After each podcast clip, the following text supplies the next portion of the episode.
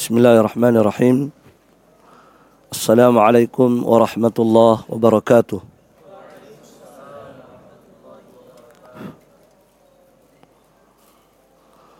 الحمد لله الحمد لله حمدا كثيرا طيبا مباركا فيه مباركا عليه كما يحب ربنا ويرضاه أشهد أن لا إله إلا الله وحده لا شريك له وأشهد أن محمدا عبده ورسوله صلى الله عليه وعلى آله وأصحابه وسلم تسليما كثيرا. أما بعد قوم مسلمين والمسلمات جماعة صلاة isya rahimani wa rahimakumullah alhamdulillah dengan nikmat Allah Subhanahu wa taala di malam hari ini kita kembali diberi kemudahan oleh Allah Subhanahu wa taala untuk hadir di rumah Allah ini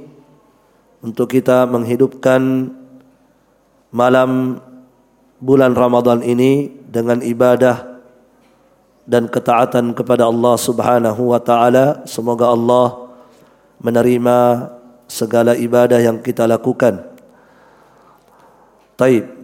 Kaum muslimin wal muslimat rahimani wa rahimakumullah. Taib, sebelum kita melaksanakan salat tarawih maka seperti kemarin kita awali dulu dengan uh, talabul ilm dan kita mengkaji pembahasan adab dari kitab Al-Adabul Asyarah karya Syekh Salih Al-Usaimi hafizahullahu wa ra'ah. Pada pertemuan pertama kemarin kita telah menyebutkan adab yang pertama. Apa adab yang pertama?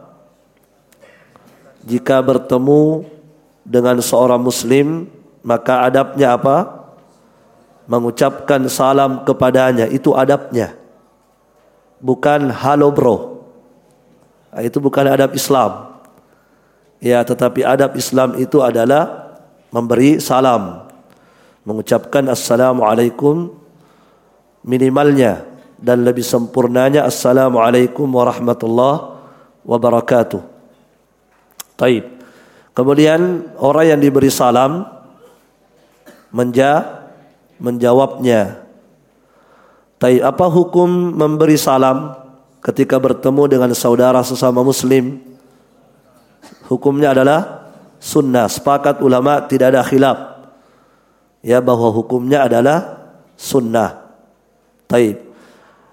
Adapun menjawabnya hukumnya adalah wajib. Itu juga apa namanya? disepakati ulama hukumnya adalah wajib menjawab salam. Taib dan kewajiban menjawab salam di sini kita tambahkan sedikit kewajiban menjawab salam itu berlaku apakah diberi salam secara langsung atau lewat titipan. Karena ada orang biasa bilang apa? Salamku nah. Ya kan? Berarti dia titip salam. Maka orang yang dititipi, ya orang dititipi itu nanti sampaikan kepada orang yang dimaksud. Salamnya si fulan. Maka orang yang dititipi salam, yang di apa namanya, yang apa tadi, yang dititipkan ya, itu wajib menjawab. Wajib menjawab salamnya. Taib. Dia jawab dengan wa alaihi salam. Kalau laki-laki wa alaihi assalam wa rahmatullah wa barakatuh. Kalau perempuan wa alaiha assalam wa rahmatullah wa barakatuh. Difahami? Ya, jadi kalau ada orang yang dititipi salam, salamnya si fulan, maka dia wajib menjawabnya. Dan yang apa dia jawab dengan apa tadi wa alaihi salam Bukan dia jawab salamku toh. Ya kan ada orang begitu ya. Salamnya si fulan. Apa kata dia? Salamku juga. Jawaban salah. Ya. Tapi dia jawab wa alaihi salam wa rahmatullah wa barakatuh. Dan itu hukumnya wajib. Itu hukumnya wajib disebutkan oleh Al-Imam An-Nawawi rahimahullah bahwa tetap diwajibkan menjawab salam orang yang di dititipi salam. Taib. Di antara dasarnya dalilnya adalah hadis Aisyah radhiyallahu taala anha. Ketika Nabi sallallahu alaihi wasallam berkata kepada Aisyah, "Ya Aisyah, hada Jibril yuqri'uki as-salam." Ini ada malaikat Jibril, dia mengucapkan salam kepadamu, dia menitipkan salam kepadamu. Ya kan? Taib. Maka Aisyah langsung menjawab wa alaihi salam wa rahmatullah wa barakatuh. Taib. Seperti itu ya. Nah, termasuk juga kata Imam Nawawi rahimahullah wa kada balaghahu salamun fi waraqatin min ghaibin lazimahu ayarudda salam alaihi bil lafdi al fawr idza qara'ahu. Nah, ini faedah ilmu yang mungkin kadang kita lalai dari faedah seperti ini. Kata beliau demikian pula wajib menjawab salam jika seandainya ada orang yang mengucapkan salam kepadanya lewat sebuah kertas. Ya. Dari orang yang gaib yang tidak ada di situ. Seperti orang yang mengirim surat kepada kita misalnya, kirim surat, di surat itu dia ucapkan apa? Dia tulis Assalamualaikum warahmatullahi wabarakatuh. Pada sebuah waraqah dari orang yang jauh, yang gaib, maka wajib bagi orang yang menerima kertas tersebut, membaca kertas tersebut, untuk menjawab salamnya dengan lafat. Dengan lafat langsung alal faur. Contoh, dia buka kertas, dikirimi uh, dikirimi tulisan apakah surat atau yang lainnya. Ketika dia buka ada salamnya. Dia baca ya suratnya. Dia baca assalamualaikum warahmatullahi wabarakatuh.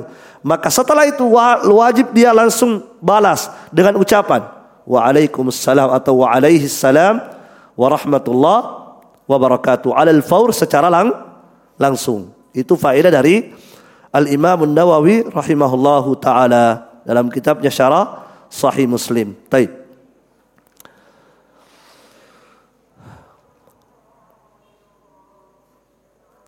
Ya, ada faedah lain tapi sudah cukup. Kita pindah pada adab yang kedua. Qala al-muallif rahimahullah. Qala al-muallif hafizahullah taala. Ats-tsani. Yang kedua, adab yang kedua, idza aradta dukhula ala ahadin fasta'din jika anda ingin memasuki rumah seseorang maka minta izinlah itu adabnya ya. jika anda ingin masuk ke dalam rumah seseorang maka fasta'din minta izinlah Taib. Itu dulu. Jadi ini ada penting. Sebab ada sebagian kaum muslimin atau muslimat itu bergampangan dalam masalah ini. Bergampangan. Apalagi kalau dia tetangga. Tetangga saya Ji. Keluarga Ji juga. Langsung nyelonong masuk ke rumah orang, tidak minta izin. Walaupun itu tetangga, walaupun itu keluarga, tetap harus minta izin. Itu adab. Di saat kita memasuki rumah orang lain, rumah siapa pun, adabnya adalah minta izin. Taib.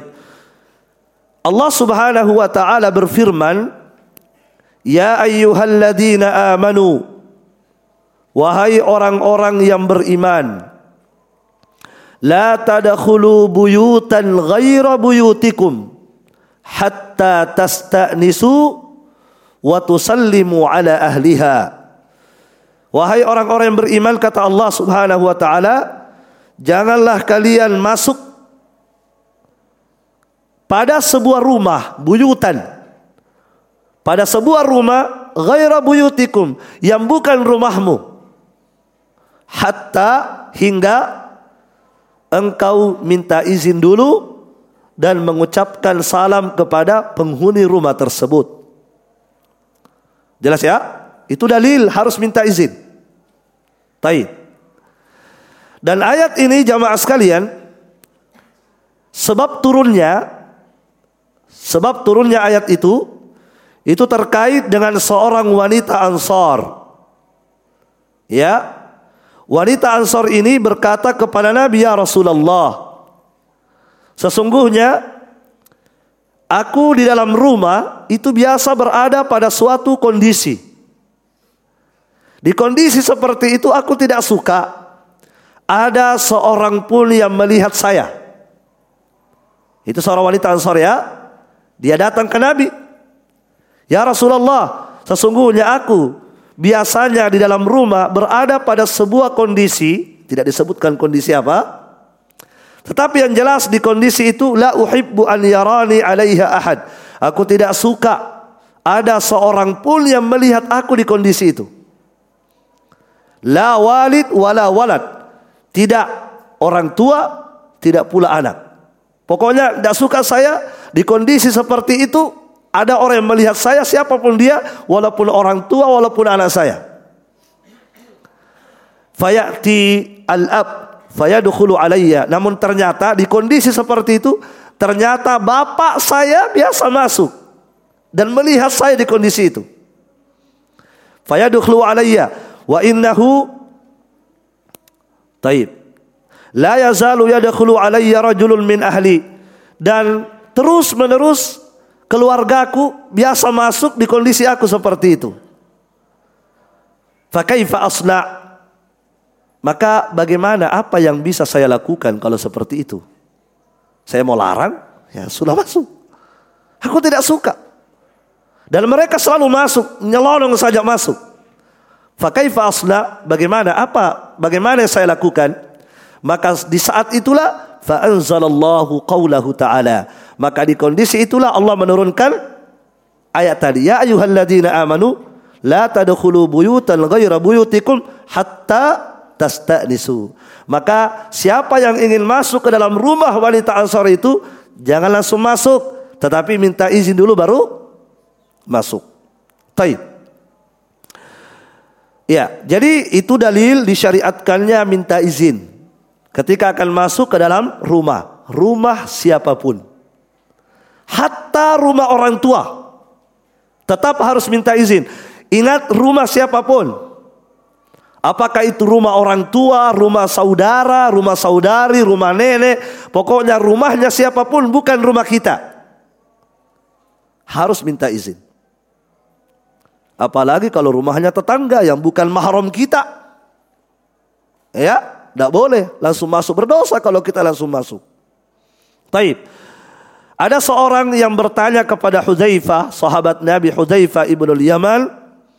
Dia berkata kepada Hudzaifah, "Astadinu ala ummi?"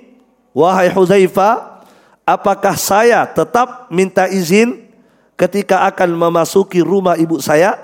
Faqala maka Hudzaifah berkata, "Illam tasta'din 'alaiha ra'aita ma takrahu." Jika engkau tidak minta izin, maka engkau akan melihat sesuatu yang kamu tidak suka nanti. Artinya minta izinlah. Tetap minta minta izin. Tapi seorang sahabat yang mulia Abdullah bin Mas'ud beliau berkata, "Alaikum bil idni ala ummahatikum wa akhawatikum." Wajib bagi kalian untuk tetap minta izin ya ketika akan memasuki rumah ibu-ibu kalian dan rumah saudari-saudari kalian. Taib itu dalil tentang disyariatkannya minta izin ketika akan masuk ke dalam rumah siapa pun selain rumah kita.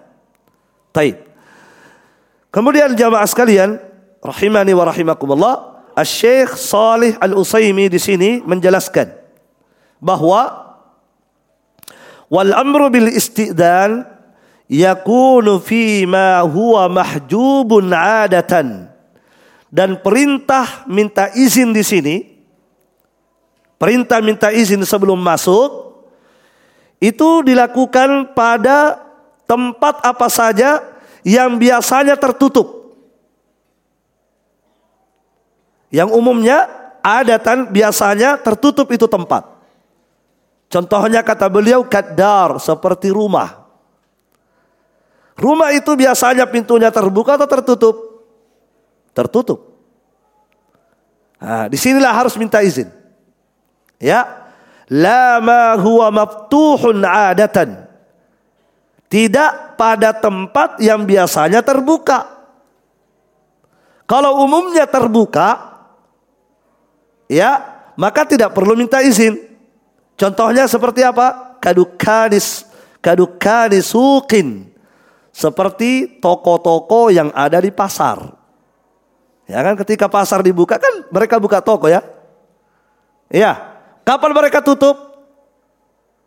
Kapan tokonya ditutup? Ya ketika pasar sudah tutup. Ketika pasar terbuka, maka pintu-pintu toko tersebut kan dibuka. Nah, berarti umumnya dia terbuka.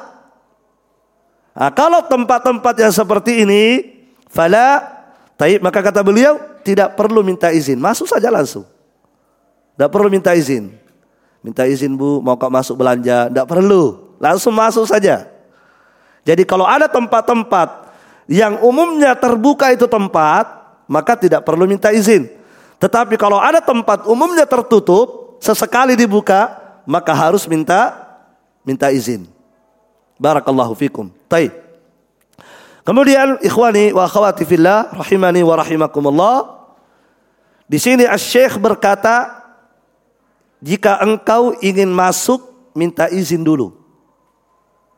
Jadi kapan minta izinnya? Sebelum masuk. Jangan nanti di dalam baru minta izin.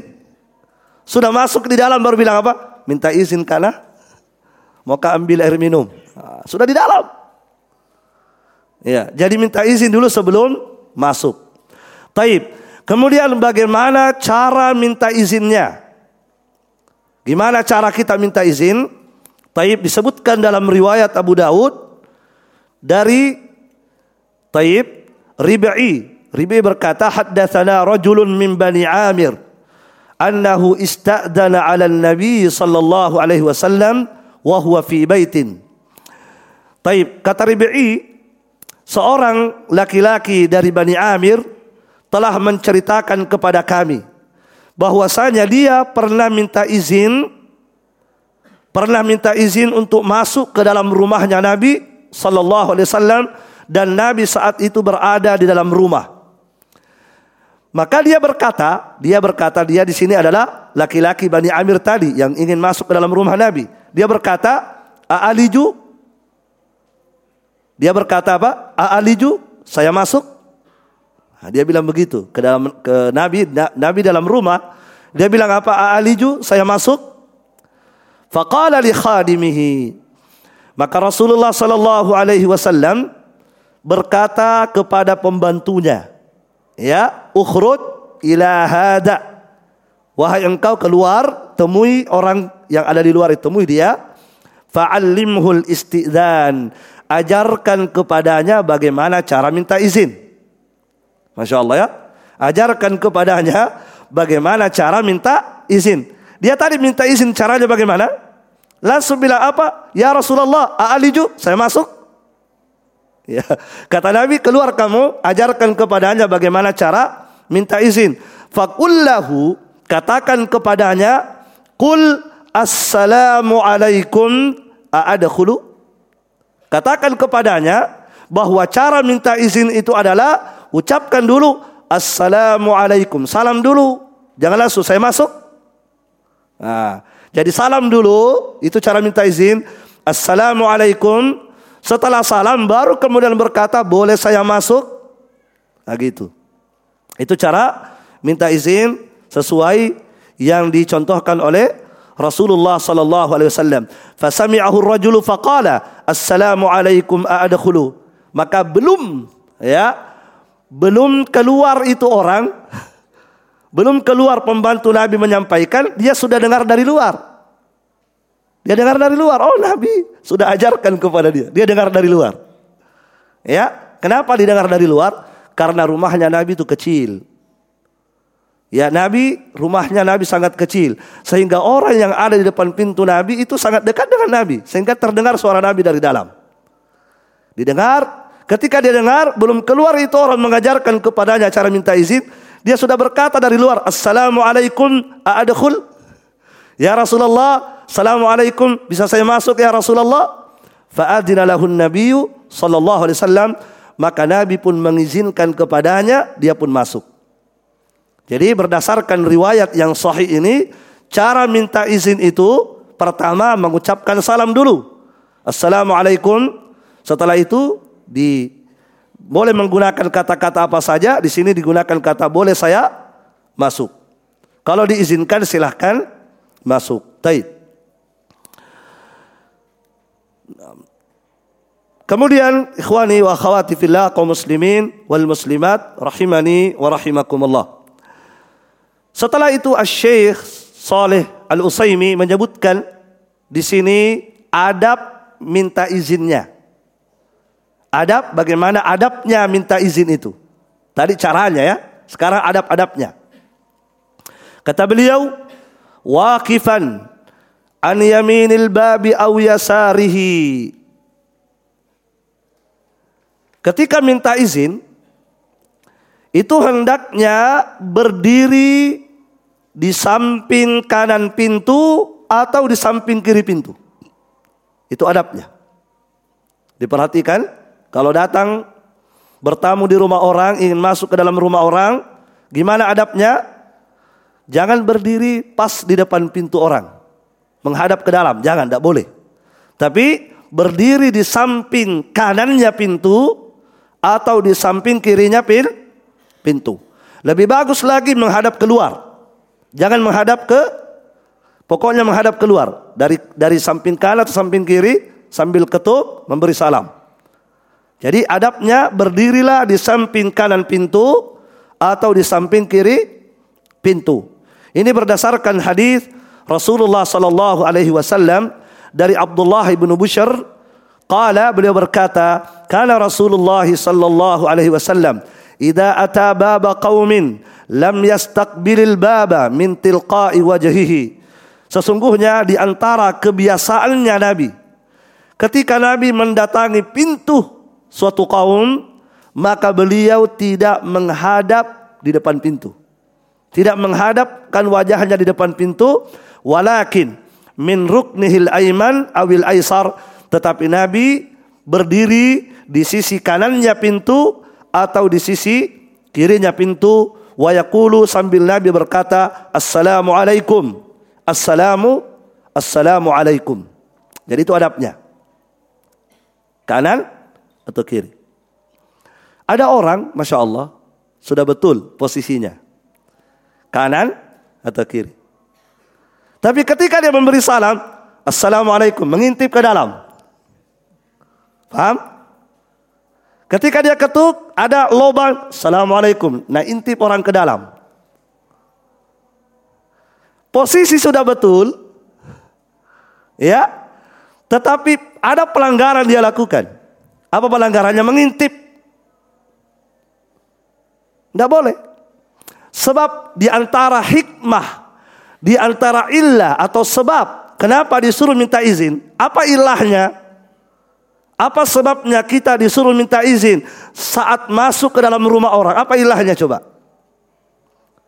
Ilahnya adalah untuk menjaga orang yang ada di dalam supaya auratnya tidak terlihat dan juga menjaga pandangan kita supaya tidak melihat aurat orang di dalam. Itu sebabnya. Kenapa kita disuruh minta izin? Apa kata Nabi Shallallahu Alaihi Wasallam? Innamal istidanu min ajlil basar. Itu ilahnya. Sesungguhnya minta izin itu disyariatkan Apa sebabnya? Min ajlil basar dalam rangka untuk menjaga pandangan mata kita. Itu tujuannya minta izin. Dalam rangka untuk menjaga pandangan mata kita supaya tidak melihat sesuatu yang tidak enak di dalam. Kan orang kalau langsung masuk tidak minta izin, bisa-bisa orang di dalam pengantin baru. Coba. Atau di dalam lagi berhamburan. Ya kan? Di dalam misalnya orang belum bersih-bersih langsung masuk berhamburan rumah orang. Kelihatan oh ternyata ini orang pemilik rumah lantas lagi. Nah, itu banyak hikmahnya. Kenapa kita minta izin? Jelas ya? Tetapi hikmah yang paling penting kata Nabi tadi dalam hadis, "Innama ju'ilal istidanu min ajlil basar." Sesungguhnya disyariatkan minta izin itu dalam rangka untuk menjaga pandangan pandangan mata kita. Taib.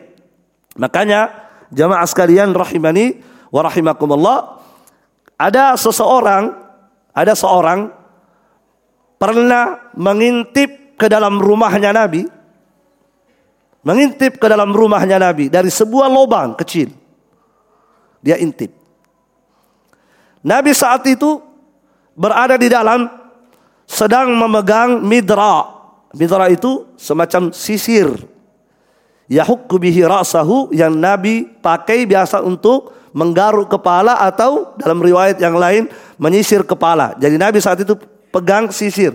Nabi diintip oleh seseorang dari lubang. Subhanallah. Apa kata Nabi?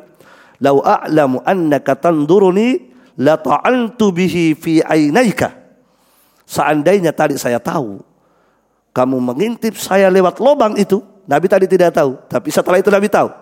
Seandainya tadi saya tahu kamu mengintip saya lewat lubang itu, maka saya akan tusuk kedua matamu pakai ini. Jangan main-main. Maka mengintip rumah orang itu dosa besar. Antum lewat di sebuah rumah, terbuka pintu rumahnya orang, jangan pernah menatap ke situ. Alihkan pandangan kita, jangan menatap ke rumah orang, terbuka dia. Kanan terbuka. Mungkin tuan rumah lupa tutup, terbuka. Walaupun di situ ruang tamu, tetap tidak boleh kita mengintip ke dalam rumah. Dosa besar. Dosa besar. Ya, apa kata Nabi tadi? Seandainya saya tahu tadi kedua matamu mengintip, saya tusuk kedua matamu. Setelah itu Nabi berkata, "Innama ju'ilal istidanu min ajlil basar."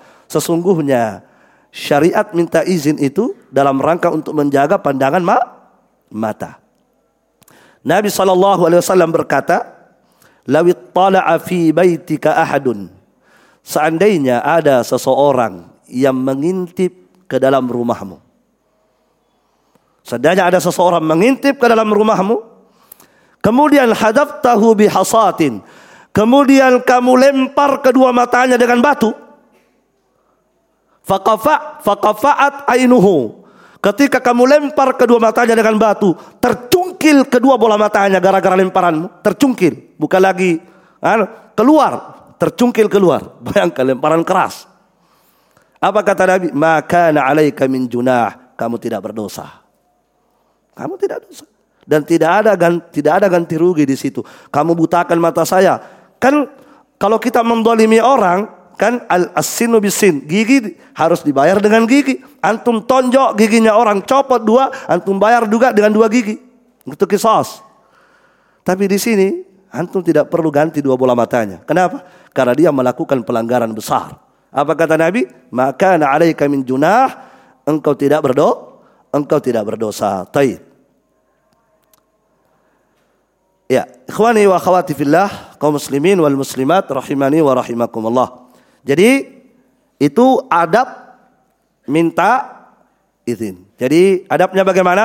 Ketika kita minta izin, kita mengambil posisi samping kanan pintu atau samping kiri pintu. Ya, jangan berada di depan pintu supaya tidak terlihat apa yang ada di dalam ketika dibuka. Taib. Itu adab yang disebutkan oleh Syekh Salih Al-Usaimi hafizahullahu taala. Taib. Ada adab lain tapi tidak disebutkan di sini oleh beliau, tapi ini penting, saya kira cukup penting untuk disampaikan sebab kadang terjadi kesalahan juga.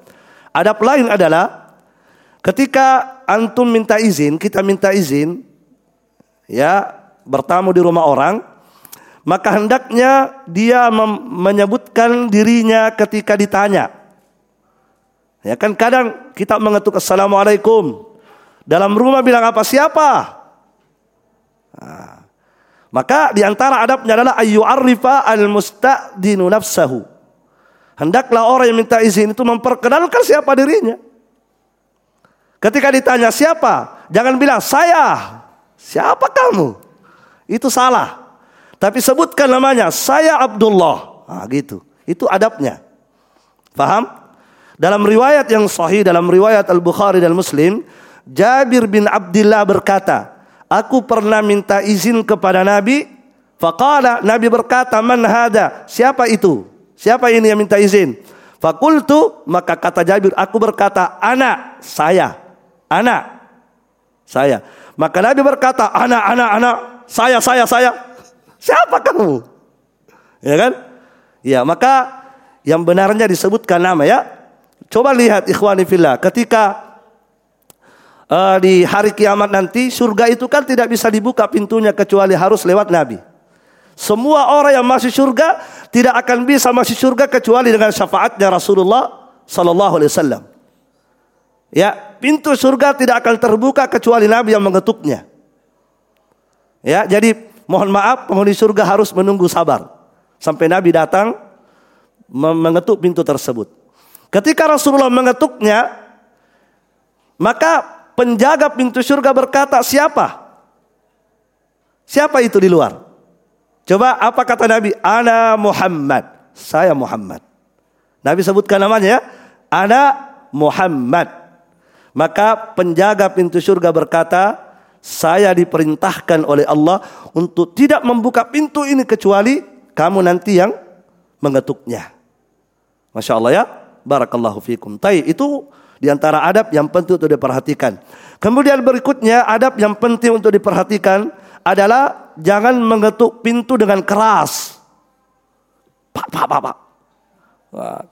Jangan mengetuk pintu dengan keras. Itu adabnya. Taib.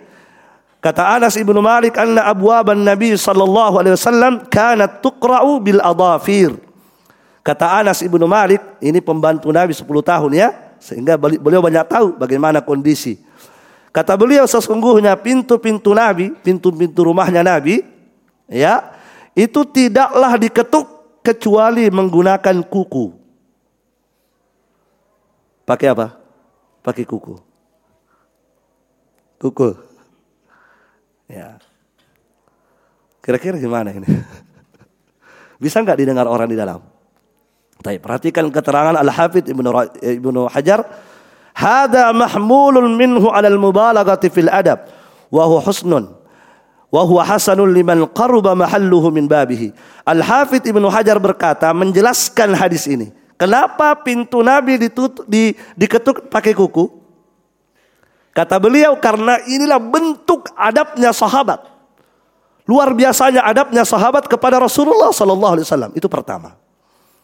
Dan ini berlaku bagi orang yang dekat ya. Dekat dia dek, eh, apa eh, bagi penghuni rumah dekat dengan pintu. Paham? Nah, ini pakai kuku kalau apa? Kalau penghuni rumahnya dekat dengan pintu pintu sehingga dia dengar kalau diketuk dengan kuku. Amma man ba'uda anil babi bihaitsu la yablughuhu sautul qar'i bidufri adapun orang yang jauh dari pintu di mana ketika diketuk suara ketukan dengan kuku tidak dia dengar maka fayustahabbu ay yaqra'a bima fawqa dalika bihasabihi maka disukai untuk mengetuk lebih lebih keras lagi ya sesuai dengan hajat bisa dipaham? Jadi dilihat dilihat kondisi. Kalau rumahnya kecil, rumahnya kecil seperti rumahnya Nabi ya cukup dengan pakai kuku. Tapi kalau istana yang mau dimasuki, ya apalagi kalau penghuni rumahnya ada di paling belakang sana, 20 meter ke sana, pakai kuku dia tidak dengar. Maka perlu pakai palu-palu. ya jadi bihasabihi sesuai dengan hak hajat diukur saja. Oh Kayaknya ini tuan rumah kalau dia berada di dapur, cocoknya pakai apa? Nah, jangan pakai kuku, tidak didengar. Ya, Jadi disesuaikan saja. Intinya di sini ikhwani fillah, jangan mengetuk pintu orang dengan keras. Ya, jangan mengetuk itu adabnya. Terakhir, terakhir ikhwani fillah. Taib yakunu bitamahul la bimuwasalah. Yaitu diketuknya dengan apa? E, ada tempo waktu ya. Assalamualaikum. Tunggu dulu. Ada tempo waktu. Jangan Assalamualaikum, Assalamualaikum, Assalamualaikum. Nah, itu tidak adab.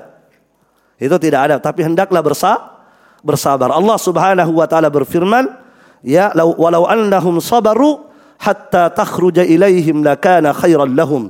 Seandainya mereka bersabar yang ingin bertamu ke rumahnya Nabi, seandainya mereka bersabar menunggu sampai ada jawaban dari Nabi, maka itu tentu yang lebih baik, yang lebih baik bagi mereka. Wallahu alam bisawab. Taib. Ini insyaallah masih ada sedikit ya keterangan dari Syekh Shalih Al-Utsaimin insyaallah taala sebentar kita lanjutkan. Subhanakallahumma bihamdik asyhadu an la ilaha illa anta astaghfiruka wa atubu ilaik. Wassalamualaikum warahmatullahi wabarakatuh. Bismillahirrahmanirrahim. Alhamdulillah Alhamdulillah wa kafa wassalatu wassalamu ala rasulihil mustafa wa ala alihi wa ashabihi wa man ittaba'a hudah amma ba'd معاشر المسلمين والmuslimat rahimani wa rahimakumullah. Kita lanjutkan adab yang kedua yang disebutkan oleh al-muallif Syekh Salih Al-Usaimi hafizahullah wa ra'ah yaitu adab ketika akan memasuki rumah atau yang lainnya maka harus minta izin. Dan beliau juga sudah menyebutkan bahwa di saat seseorang minta izin dia harus beradab. Di antara adabnya adalah waqifan an yaminil bab au yasarihi. Dia berdiri di samping kanan pintu atau samping kiri pintu. Ini sudah kita terangkan tadi. Kemudian kata beliau, fa in adina laka dakhalta wa in qila laka kata beliau maka jika tuan rumah mengizinkan engkau untuk masuk maka masuklah. Dan jika dikatakan kepadamu kembali maka kembalilah itu adabnya ya. Taib. Jadi kalau sudah ada tanggapan dari tuan rumah, maka diperhatikan tanggapannya. Kalau tuan rumah mengizinkan masuk, silahkan masuk. Tapi kalau tuan rumah ber, tidak berkenan menyuruh kita kembali, maka kita harus kembali. Taib. Ini berdasarkan firman Allah Subhanahu wa taala Kata Allah tabaraka wa taala fi kitabih, "Fala tadkhuluha hatta yu'dana lakum." Wa in qila lakum irji'u farji'u huwa azka lakum. Wallahu bima ta'maluna alim. Kata Allah Subhanahu wa taala, ya, janganlah kalian masuk ke dalamnya. Itu ke dalam rumah atau apa saja hingga engkau diberi izin. Dan jika dikatakan kepadamu kembali, maka kembalilah.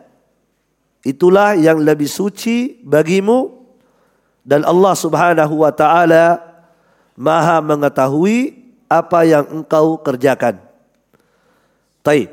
Jadi itu adabnya ketika kita diizinkan masuk silahkan masuk kalau tidak disuruh kembali harus kembali. Baik. Syekh di sini menyebutkan bahwa orang yang tidak diizinkan ini terkait dengan orang yang tidak diizinkan ya. Ya. Ketika disuruh kembali, maka kita harus kembali. Ya. Dan Syekh Abdurrahman As-Sa'di menyebutkan dalam tafsir beliau fala tamtani'u minar ruju' wa la taghdabu minhu. Janganlah engkau enggan ketika disuruh kembali, jangan enggan untuk kembali. Dan jangan marah kepada tuan rumah. Enggak apa boy.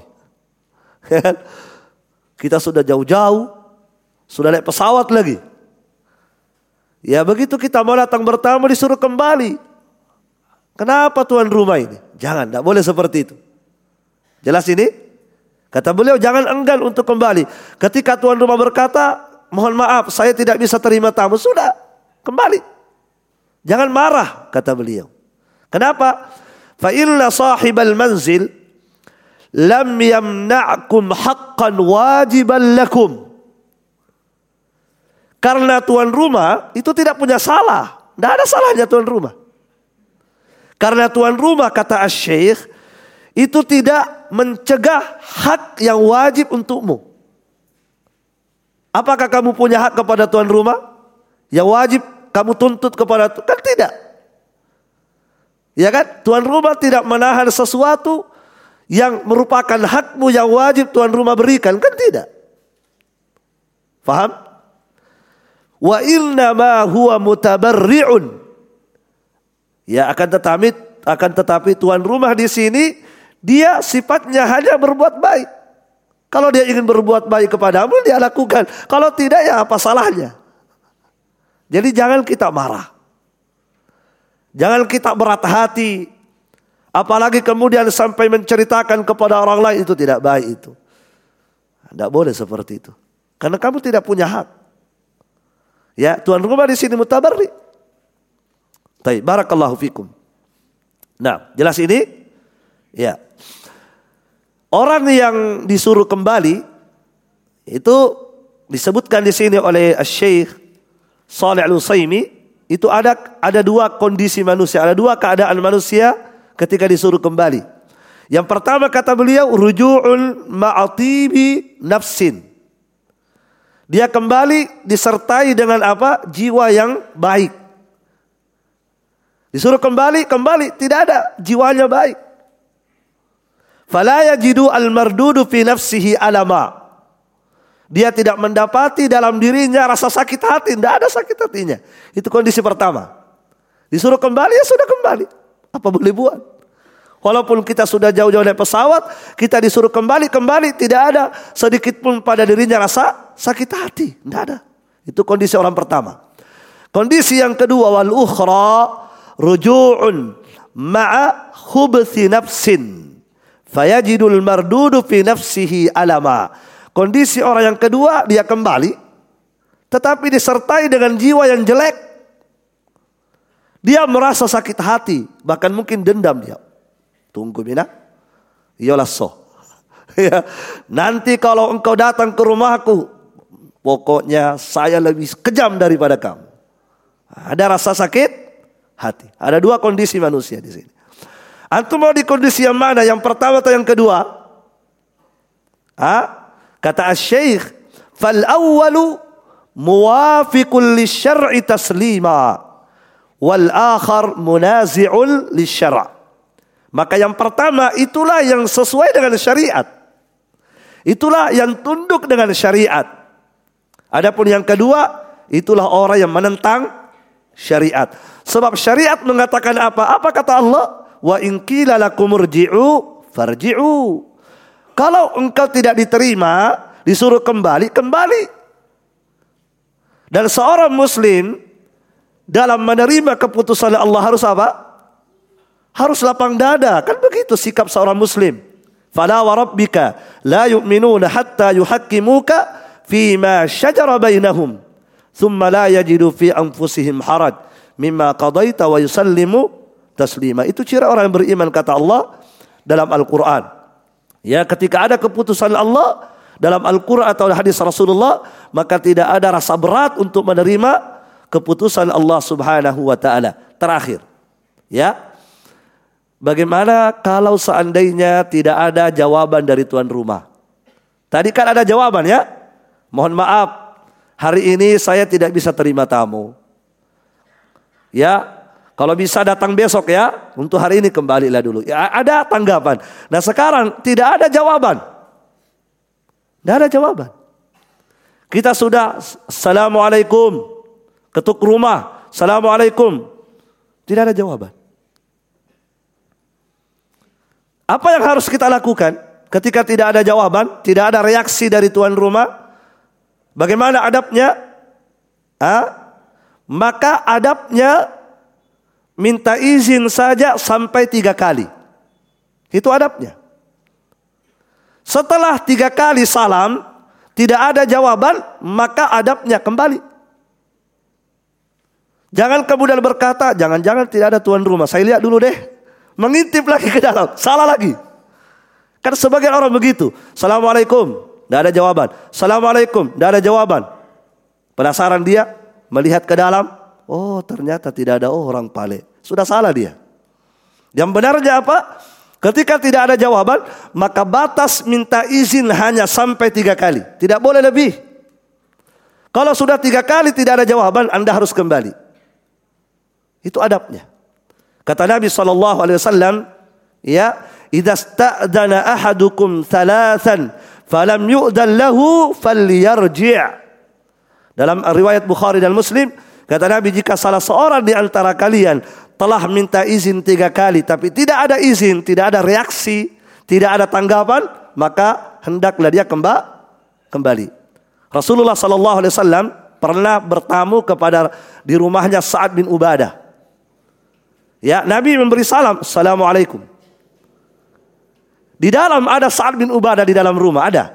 Tapi Sa'ad bin Ubadah menjawab salamnya Nabi tapi kecil. Waalaikumsalam. Sengaja tidak memperdengarkan suaranya kepada Rasulullah. Nabi salam lagi, Assalamualaikum. Tiga kali Nabi memberi salam, Nabi tidak mendengarkan jawaban dari Sa'ad bin Ubadah, maka Nabi kembali. Nabi pulang. Nabi tidak mengintip, jangan-jangan ada. Tidak, Nabi pulang. Itu adabnya. Maka Sa'ad bin Ubadah segera keluar rumah, menyusul Nabi dan berkata kepada Nabi, Ya Rasulullah, ya, ketika engkau memberi salam, ma sallamta taslimatan illa wahiyya biizni. Ya Rasulullah, tidaklah engkau memberikan salam sekali kecuali aku sudah izinkan sebenarnya. Ya. Wa qad radattu alaika dan aku sudah balas tadi. Ketika engkau salam pertama aku sudah balas walam usmi'ka tetapi aku sengaja tidak memperdengarkan suaraku kepadamu.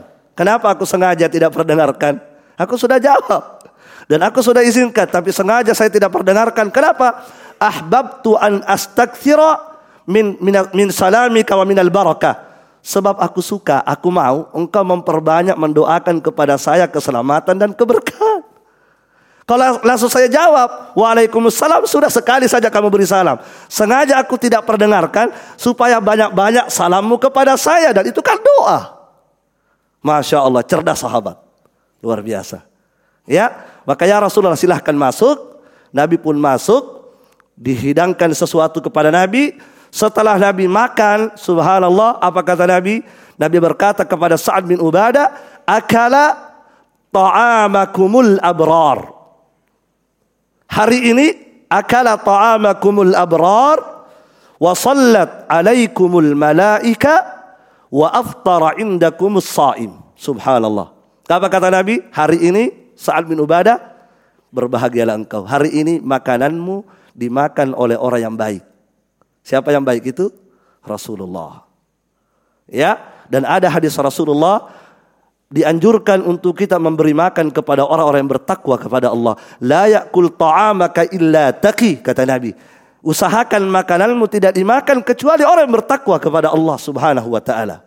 Sebab makanan kita ketika diberikan kepada orang yang bertakwa itu energinya akan digunakan beribadah kepada Allah Subhanahu wa taala. Tapi kalau diberikan makanan kita kepada tukang judi, ya walaupun boleh saja tidak masalah, boleh, tidak masalah, tidak ada dalil yang melarang, cuma lebih bagus diberikan kepada orang yang paling bertakwa kepada Allah Subhanahu wa taala. Apa kata Nabi tadi? Hari ini saat min Ubadah, makananmu telah dimakan oleh orang yang bertakwa dan hari ini kamu didoakan oleh malaikat. Dan hari ini telah berbuka di rumahmu orang yang berpuasa. Masya Allah. Makanya kalau kita memberi makan orang buka puasa, maka dapat keutamaan doa ma malaikat. Barakallahu fikum.